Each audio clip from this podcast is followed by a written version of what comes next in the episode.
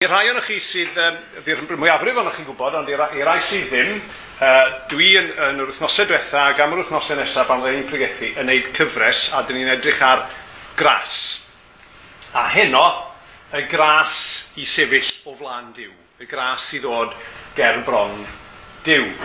Nawr mae'r gyfres yn codi allan o be dyn ni wedi bod yn edrych arno nos fawrth yn yr astudiaeth, dyn ni wedi bod yn edrych ar y llythyr at yr Ifeiniaid, A oedd yn un o'r geiriau sy'n neidio allan. Sy'n neidio allan o'r tudalen, gras. A dyn ni'n iwsio fe mor aml, a dyn ni mor gyfarwydd ag e, falle bod ni'n anghofio beth ydy e. A tro dwytha, mi wnaethon ni ddechrau uh, edrych, trwy edrych ar dechrau gyda gras. Dod i gredu am y tro cynta oherwydd gras di. Yeah. A wnaethon ni ddall, gan benodol bwyntio ar yr adnod na allan o'r effesiau. Trwy ras yr ydych wedi eich achub trwy ffydd. Nid eich gwaith chi yw hyn, rhodd diw wedi e. So, dyn ni'n dechrau fanna. A'r tro yma, dyn ni'n symud ymlaen. A dyn ni'n edrych nawr ar sefyll y gras i sefyll ger bron Dyw. A dyn ni'n gwneud hynny trwy edrych ar Hebreaidd pedwar. A na i jyst darllen y tair adnod. Y tair adnod yma uh, ar ddiwedd o uh, darlleniad nath Rhys yn gynharach. Gan fod gennym felly ar chyffeiriad mawr sydd wedi mynd drwy'r nefoedd, sef Iesu Mab Dyw, gadewch i ni lynu wrth ein cyffes. Canis nid ar chyffeiriad heb allu cuddioddef a'n gwendidau sydd gennym, ond un sydd wedi ei demtio ym mhob peth yn yr un modd â ni, ac eto heb bechod, a wedyn mae'r adnod bendigedig yma, a mae hwn yn neges i ni gyd. Felly gadewch i ni nesau mewn hyder at orsedd gras, er mwyn derbyn trigaredd a chael gras yn gymorth yn ei bryd. A dwi'n ymddiheirio, mae'n ychydig bach o ailadrodd yma hyn, ond mae'n un neges bwysig iawn i fi ynglyn â'r neges yma o ras. A mae'n neges i'n hoes ni ac i'n gymdeithas ni, achos da ni'n byw mewn gymdeithas sy'n rhannu pobl i grwpiau gwahanol. Sy'n deud bod rhaid i chi fod yn rhyw deip arbennig, neu deud bod rhaid i chi berthyn i ryw ddosbarth arbennig, neu fod o liw arbennig, neu o gefndir arbennig. A dyn ni bob amser yn mesur pobl. Ydyn nhw'n ddigon da i wneud hyn? Ydyn nhw ddigon clyfar? Ydyn nhw ddigon dawnus? Ydyn nhw ddigon cyfoethog? Sgynnyn nhw'r hawl oherwydd y peth a'r peth. Ond mae efengil Iesu Grist yn torri ar draws hwnna i gyd ac mae'n lefelu pawb. Mae'n gosod ni gyd ar yr un lefel a mae'n deud, dyn ni gyd yr un peth. Pob un ohono ni yr un peth. Does ddim graddfeidd o hyn a graddfeidd y llall. O flaen diw, dyn ni gyd yr un peth. Ac wrth gwrs mae'r byd yn cymharu efo pethau arall yn y byd. Dydy so on so ddim mor glyfar o hwn a hwn. Mae gan hon a hon fwy o bres na hwn a hwn. Ond cymharu efo dynion di hynny. Ond mae neges diw yn mynd â fe gam ymhellach mae'n mynd â ni at broblem fwy. A problem sydd llawer, llawer pwysicach. Sef, ydyn ni, pwy bynnag ydyn ni, yn gallu sefyll o flaen diw. A mae'n broblem oesol. Oedd e'n broblem, oedd y salmydd yn edrych yno. Dwi'n os chi'n gyfarwydd ar adnod yma o salm 24.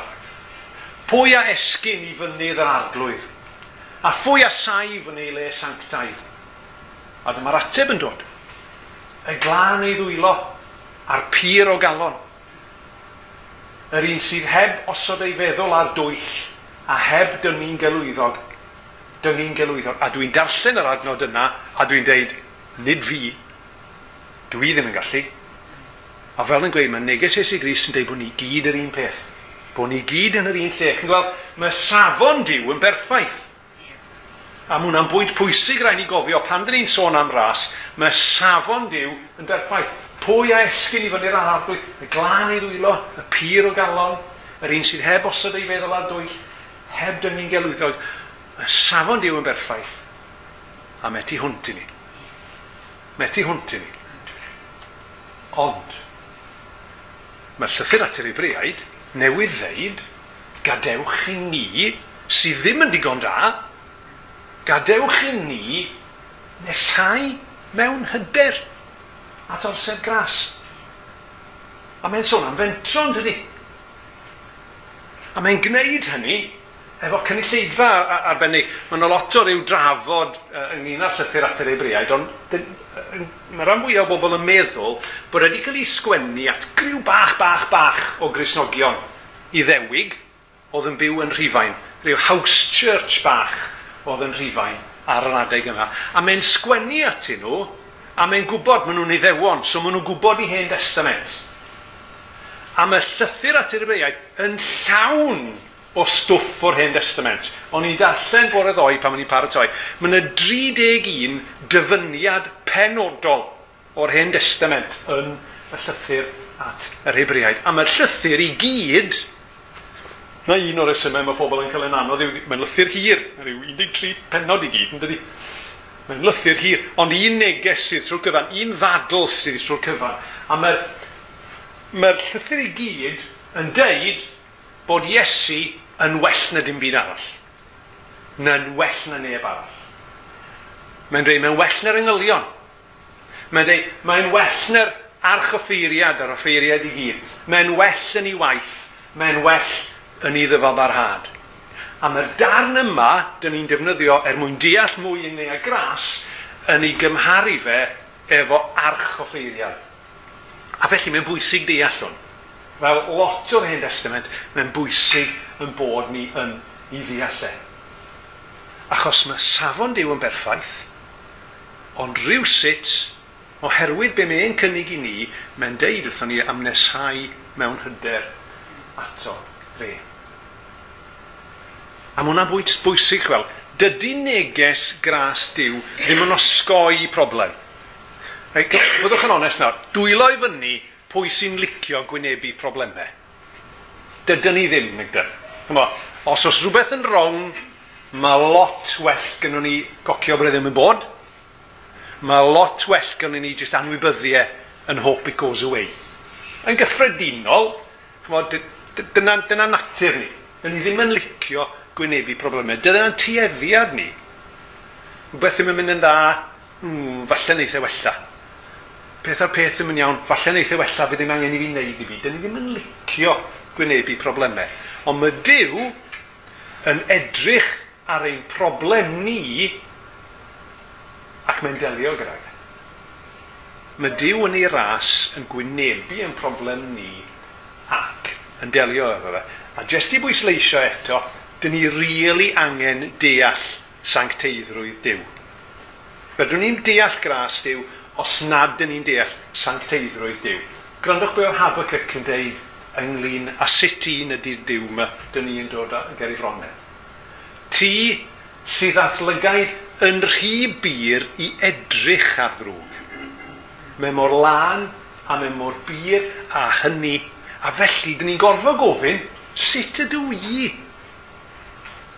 sydd yn ddrwg, sydd ddim yn bir, sut ydw i yn medru sefyll ger ei fronu a chael perthynas gydag e. Nawr yn yr hen testament mi oedd yna drefn. Oedd e'n drefn seremoniol, oedd yna aberthau, a oedd yna rôl i'r offeiriad, a mi oedd yna rôl penodol i'r arch offeiriad. A mae rhaid ni werthfawrogi'r rôl yna er mwyn deall pa mor ddifrifol ydy hyn. A un o'r... Dwi wedi dysgu yn, yn, yn, yn, yn, yn, yn y misoedd diwetha. Job, yr arch, job yr archoffeiriad oedd cynrychioli'r bobl ym mhresenoldeb diw. Yr archoffeiriad oedd yr un oedd e'n cael unwaith y flwyddyn mynd i fewn i'r canol, i'r cyseg yr sanctedi olaf, fel oedd e'n cael uh, i, i enwi. A oedd e'n beth peryglus. A dwi licio, dwi licio hwn. Oedd e mor beryglus, oedd yr archoffeiriad yn gorfod wneud dau beth. Oedd e'n gorfod gwisgo clychau am ei ddillad, a oedd e'n gorfod rhoi rhaff am ei goes. A'r rheswm oedd e'n gorfod wneud hynny oedd, oedd y bobl yn gwrando. Ac os oedden nhw'n clywed y clychau yn canu, oedd e, o mae'r archoffeiriad yn symud o gwmpas, so dwi ddim wedi marw oherwydd i fod ym mhresenoldeb diw os oedd nhw'n, os oedd o'r gloch yn stopio canu, oedden nhw'n poeni bod sancteiddrwydd a glendid diw wedi bod yn ormod iddo fe, a wedyn oedden nhw'n gafel yn y raff ac yn ei dynnu fe allan. Hwna wir. Oedd, oedd nhw mor convinced yng ngapurdeb a glendid diw, oedd nhw'n poeni, ydy'r dyn yma yn mynd i allu byw ym mhresenoldeb diw? A oedd e mor serious yn, a wedyn, dyn ni'n cael y busnes yma clychau a'r busnes yma rhan. Oedd e'n beth peryglis. A mae hwnna jyst yn dangos i ni peth mor ddifrifol ydy e. Ond, dyna pam mae Iesu Grist yn archoffeiriad i ni.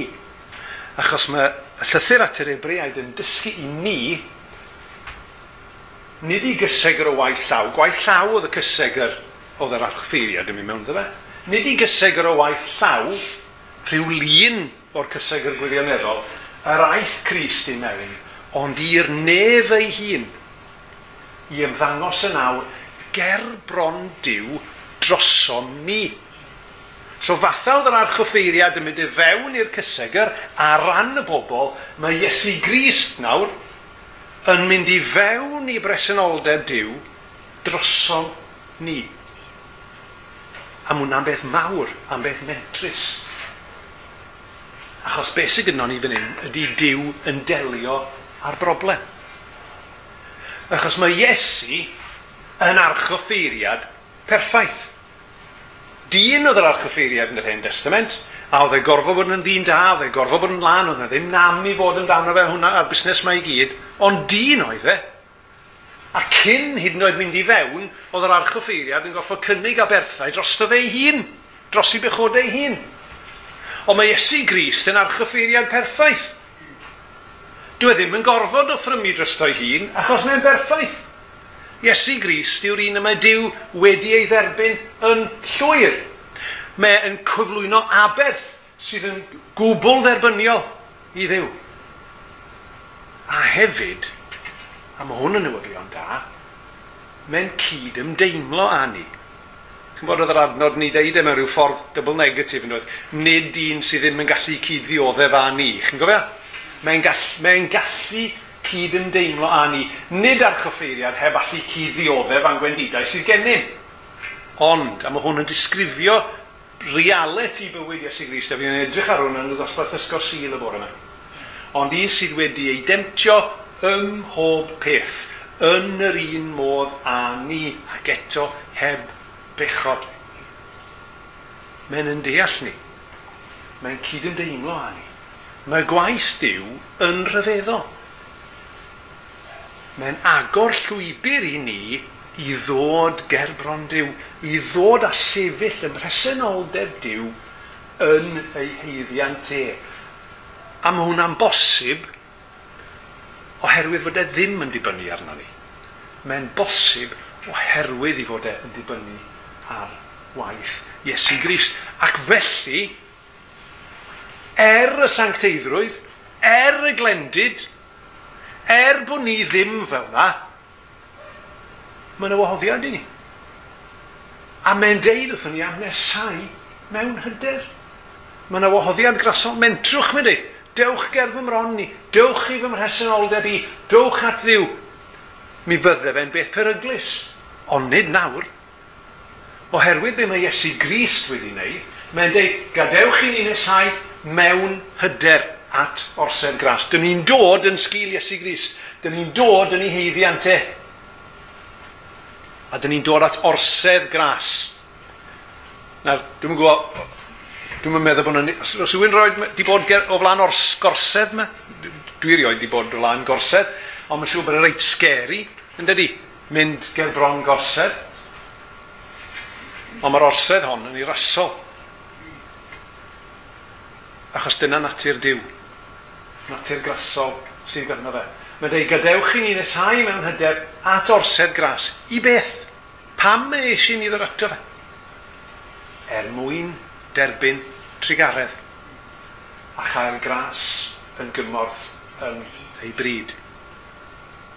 Mae'n yn gwachod ni ato fe er mwyn dangos trigaredd i ni. Er mwyn dangos i ras i ni. A beth di trigaredd? Dyn ni'n derbyn trigaredd wrth iddo fe yn derbyn ni. Pan dyn ni'n rhoi yn bywydau iddo fe, mae'n trigarhau wrtho ni. Ac mae'n yn derbyn ni fel bod modd i ni yn Iesu Grist yw alw fe yn dad ac mae'n delio efo'n gorffennol ni. Mae'n sychu'r llechen yn lan. Mae'n delio efo'n gorffennol ni. A mae'n cynnig gras i ni. Cymorth amserol. Beth bynnag di'n hangen ni ymlaen, mae'n cynnig hynny hefyd. Ac mae'n deud y medrwn ni fod ger i fro ne, gyda Dyw yn ymddiried ynddo fe at y dyfodol. Nesau mewn hyder at o ef. Felly, i grynhoi. Dyn ni'n symud ymlaen. Dyn ni wedi pwysleisio yr wythnos diwetha neu'r wythnos cynt. Ynglyn â dechrau gyda gras. A nawr dyn ni wedi edrych ar sefyll ger bron diw. A jyst i gatgoffa ni'n un o'r prim, mae yna isiw mowr gyda ni o ran yn heiddiant ni. Ond mae efengil Iesu Grist yn deud bod pawb yr un fath. Mae'n lefelu pawb. Tydy neges gras diw ddim yn osgoi i'r broblem, ac mae e'n broblem, mae'n pechod ni'n broblem, mae'n pellter ni o ddiwrth diw yn broblem. Mae'r ffaith y bod ni'n hunanol yn broblem. Mae'r ffaith mae fi, falle, sydd yn eistedd orsedd yng nghalon ni, yn broblem. A dydy diw ddim yn osgoi hynny. Mae'n delio ar peth yn Iesu Grist. Oeddwn ni'n edrych ar uh, un o weddiau Iesu Grist yn yr ysgol sil y bore yna. Chi'n gwybod yn yr ardd, pan oedd e'n gweddio, a nath e ddeud, os i'n bosibl arglwydd, boed i'r cwpan hwn fyned heibio, Os ti'n bosib, se well gen i bido gwynebu'r groes. Ond nid fe wyllus i, ond de wyllus di. Mae'n deud hynny. A un o'r pethau oedden ni'n sôn amdano fe bore yma oedd hyn mae Iesu Gris, chi'n gweld, yn ildio yr holl bethau yma er mwyn i ni cael nhw. Mae Iesu Grist yn cael ei gwahanu o ddi wrth ddiw er mwyn i ni ddod at ddiw. Mae Iesu Grist yn cael ei gosbi am yn pechod ni er mwyn i ni fod yn rhydd o'n pechod ni. Mae Iesu Grist yn marw er mwyn i ni gael bywyd. Ac mae'n deud, dewch. Nid mewn ofn, Dewch i bresenoldeb diw, nid mewn ofn, ond mewn hyder. A mae gwerth gras a thrigaredd yn delio efo'n gorffennol ni, ac mae'n delio efo'n nawr, ac mae'n delio efo'n dyfodol ni. Gadewch i ni nesau mewn hyder at orsedd gras, er mwyn derbyn trigaredd, a chael gras yn gymorth yn ei bryd. Amen.